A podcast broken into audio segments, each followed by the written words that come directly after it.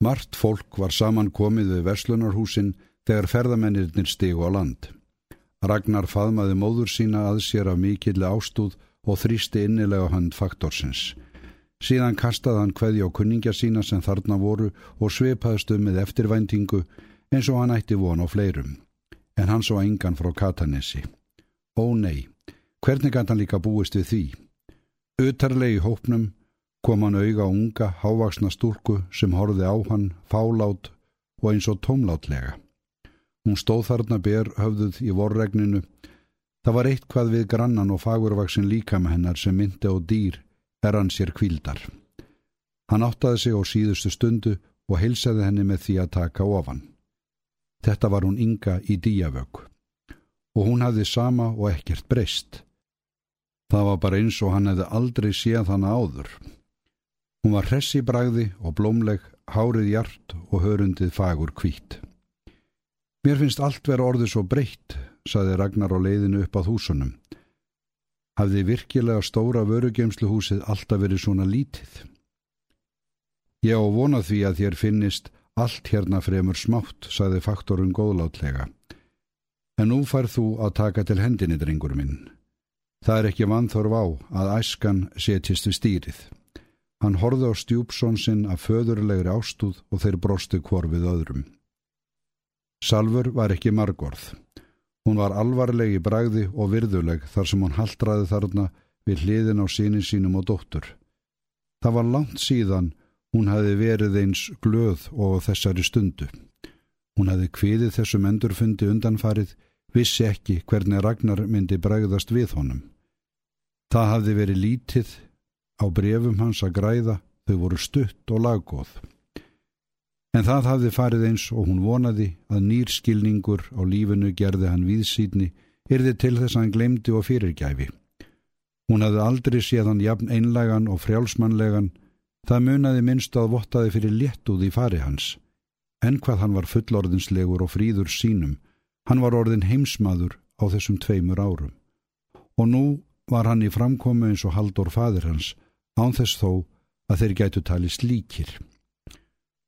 Og hvað segir þú svo, sýstir góð, saði Ragnar hlæjandi. Þú ert sveimir orðin nellin. Og ég heyri sagt að þú ætlir bráðum til kaupmannahafnar. Varaðu þig nú á piltónum þar, góða mín. Þeir eru hættulegir íslensku nákonum. Sjálfur skaltu vara þig, Karlminn. Hún brosti fullorðinslega við bróður sínum eins og væri hún móðir hans, enda reykjan á honum. En jafnframt var brosennar dularfullt og íbyggið.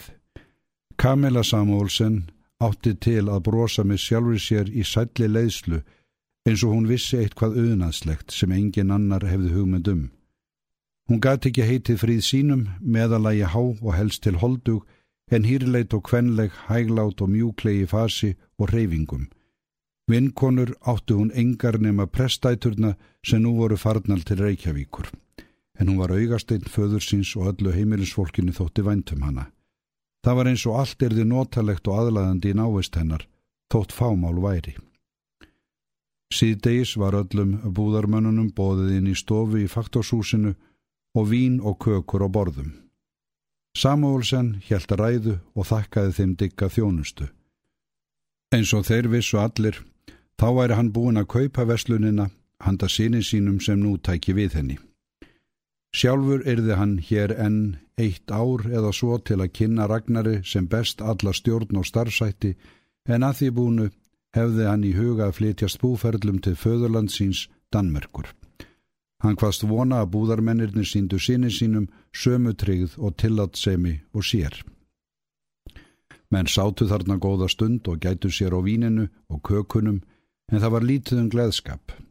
Kriplingurinn var veikur og hallaði sér aftur á bakk í djúpan hægjendastól, hann var þvalur á höndum, guggin í framann og kinnfiskasógin og augun gljáðu af sóttita. Hann hafði lengi verið lasinn en hríð versnaði nú í vor. Skrifstofumadurinn sem ráðinn hafði verið úr Reykjavík í stað Einar Sölvasonar var ný komin og þóttist bersýnilega maður með mönnum.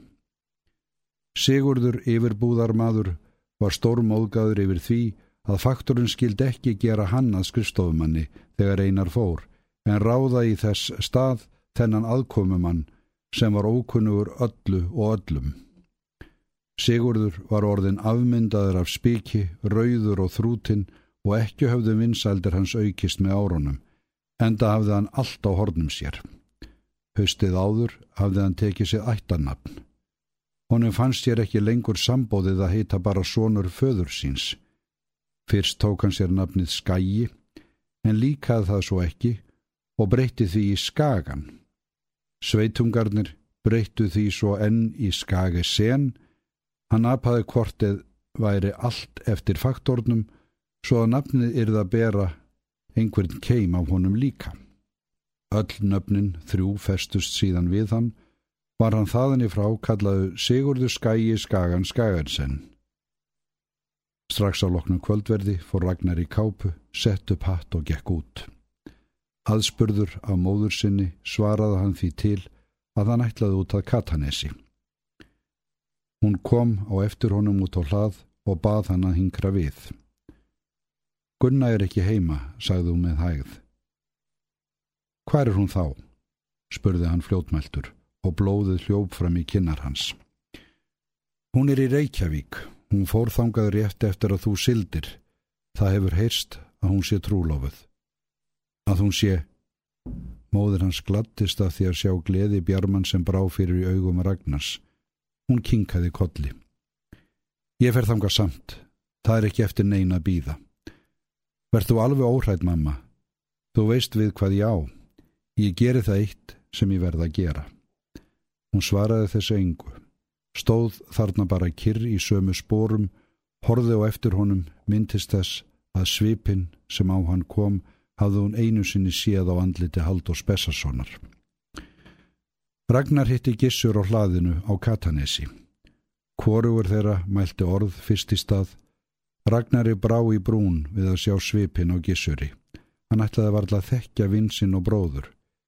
Fyrir framann hann stóð óhreitn og veðurbarinn erfiðis maður með herðar eins og hlöðutir og hlemmi stórar hendur, tæplega meðalmaður og hæð en með afbröðum kraftalegur. Hann hlaut að vera nöyt sterkur. Það fór ósjálfrátt hrodlur um Ragnar. Hann sá ekki betur en gissur væri albúin þess að leggja hendur á hann. Slett og smágjert andlit hans var rist rúnum spott svo hörku. Ragnar hafði aldrei séð aðræðins fyrirlitningu í svip nokkurs manns, en svo harkaði hann af sér og rétti gissuru höndina. Gissur reyði kvorki í leggni lið en starblindi á Ragnar og drættirnir í andliti hans urðu enn dýpri og munnurinn hertist í háðslegu glotti. Hann let bróður sinn standa þarna góða stund með framrétta höndina en snýrist svo á hæli og gekk leiðarsinnar niður að nöstunum. Ragnar stóð kyrri sömu spórum og vissi ekki hvaðan á sig stóð veðrið. Hann hafði átt á ímsu von en ekki þessu. Hann hafði séð mikið eftir því að stökkvað heimann án þess að gera sér ferða katanesi og segja allt af létta, minnstakosti haldóri. Hann hefði laumast burtu eins og rævill og það var svo sem ekkert þægilegt að skrifa katanins fólkinu um þetta. Hann hefði aldrei átt að hlýða móður sinni daginn þann auðvita bar honum skilda til að tala við Gunn og föður hennar áður. Það sá hann í hendi sér strax og hann var farin. En hann hefði verið eins og högdofa eftir allt það sem móður hans var búin að segja honum, fann sem hann myndi aldrei þóla að sjá haldur framar. Nú skildi hann þetta allt miklu betur og var ekki eins harður í dómum sínum. Hann hafi verið kjarklus kögursveitn. Það myndi ekki hlaupið að því að bæta fyrir þetta eins og nú var komið, en það yrði hann að gera. Hann yrði að byrja á því að tala við Haldur sjálfan. Flest heimilisfólkið satt í baðstofu þegar Ragnar kom inn og var að enda við að borða kvöldverð. Haldur leitt upp þar sem hann satt við borðsendan en reys korki á fæturinn ég bauð gestinum sæti. Hann tók þó hverju Ragnars eins og hitt fólkið. Svo var stundar þögn. Ragnar hafði ákaman hjartslátt og var innan brjósts eins og krakka sem á von á hyrtingu. Gamla aðdáunin á haldóri fór eldi sínum um hann. Það var svo sem enginn förða að þessi maður hefði haft kvennhilli. Hárið bylgjaðist um höfuð hans, hrímgarátt og þétt, nema í kvirlinum. Helli og þreita höfðu ristur únir sínar á veðurbarið svipmikið andlit hans sem var eins og skorið í tré harlegt að sjá en þó eins og mildi brigð á hörkudrættina, líf og fjör í vökulum augunum undir loðnum gráum brúnunum og vangaskeggið sem hann klóraði sér í laungum nokkurum sinnum hafði nú Ragnar reynda stæla þá reyfingu í æsku. Svo þú ert þá komin í heimsókn, sagði Haldur að lokum og eins og í gamantón. Það sá ekki á honum neina svipreitingu. Get ég fengið að tala við þig undir fjögur augu, stamaði Ragnar. Segðu er indi þitt, svaraði Haldur rólega. Hann var að telgja sér tannstöngul og virtist láta sér á sama standa hvað gestinu lagi á hjarta. Ekki hér, svo allir heyra. Ragnar var síður en svo myndur í máli, hann varðast ræskja sér duglega til að geta stuðni þessu upp. Talaðu bara. Hér eru ekki aðrir en kona mín og máur minn og svo vinnufólkið og ég og engin lendarmál sem þau megi ekki heyra. Minnstakosti ekki með þér. Ertu nú vissum það, hugsaði Ragnar með sér. Skapið blossaði upp í honum. Hann sett upp hattin og opnaði dyrnar. Um leið sendan Haldóri slikt augnaráð að katanesbondan raki rógastans. Nú, já, já þá, sagði hann og brindi röstina. Lykku þér svona mikið á Ragnar? Hingraði við meðan ég er að stöylast út. Ég er nú ekki sá stórbokki að ekki sé hægt að fá að tala við mig. En Ragnar heyrði ekki nema fyrstu orðin og beigði ekki bóðana. Hann hafði grátstafi í kverkunum og varða að flýta sér burt til að missa ekki vald á sér. Hraun verkfræðingur saði Haldóri frá hugmynd sinni um að dýfka vógminnið. Hann hvaðst ætla að halda fyrirlestur um álið í sveitinni. Haldór réð honum eindregi frá því. Fólk hér væri of fátækt og þumbaralegt til að hægt vera vekja því áhuga á öðru eins og þessu. En einhver tíma verður nú þetta gert, sagði hann og þá rýs ég upp kaupstaður. Hún fannst mikið til um þetta. En sjálfsagt liðu mörg ár þanga til af þessu yrði. Hann myndi naumast lifa það að hafskip legðust fyrir akkeri inn á vóginum. Hraunskarapp heim að finna föður sinn sem var orðin gamal maður en dvaldist annars lengstum á Katanesi. Hann hitti síslumannin að máli og tóst að vekja hjá hann mikinn áhuga á hugmyndsinni. Síðan brá hann sér upp að díjavög en kom þaðan aftur í æstu skapi og letuði orð falla að Jón hefði kvorugt til að bera vit eða talanda. Það er engu líkara en þetta sé steindauður maður. Raun var mikill skaphófsi og átti til að pata í allar áttir þegar honum var mikið niðri fyrir. Haldur hlótt átt að þessari heimsókn hans til Jóns Jónssonar. Maríu þótti væntum að heimta bróður sinn heilan á húfi. Hann var henni góður og nærgætin en þau töluðu lítið saman. Hún virtist líka láta sér í létturúmi liggja þegar hann fór burtu eftir mánaður dvöl. Dagnokkur kom langt bref frá Gunnu og það hafði miklar fagnadarfréttir að flytja. Hún var trúlofuð. Innan í var bref til Haldós frá tengdasinnunum tilvonandi. Hann gerði þar grein fyrir sér og ætt sinni og hvað í ráði að þau giftust um sumarið. Hann hafði nýlokið guðfræðiprófi og vildi gjarna sækjum brauð þarna siðra þegar eitthvað losnaði. Því að við gunna viljum búa eins nálat ykkur og hægt er, stóði brefinu. Ég þarf auðvitað ekki að taka það framhaldur að ég hef mikið um þig heyrt og ég er reikina því að tengjast þér.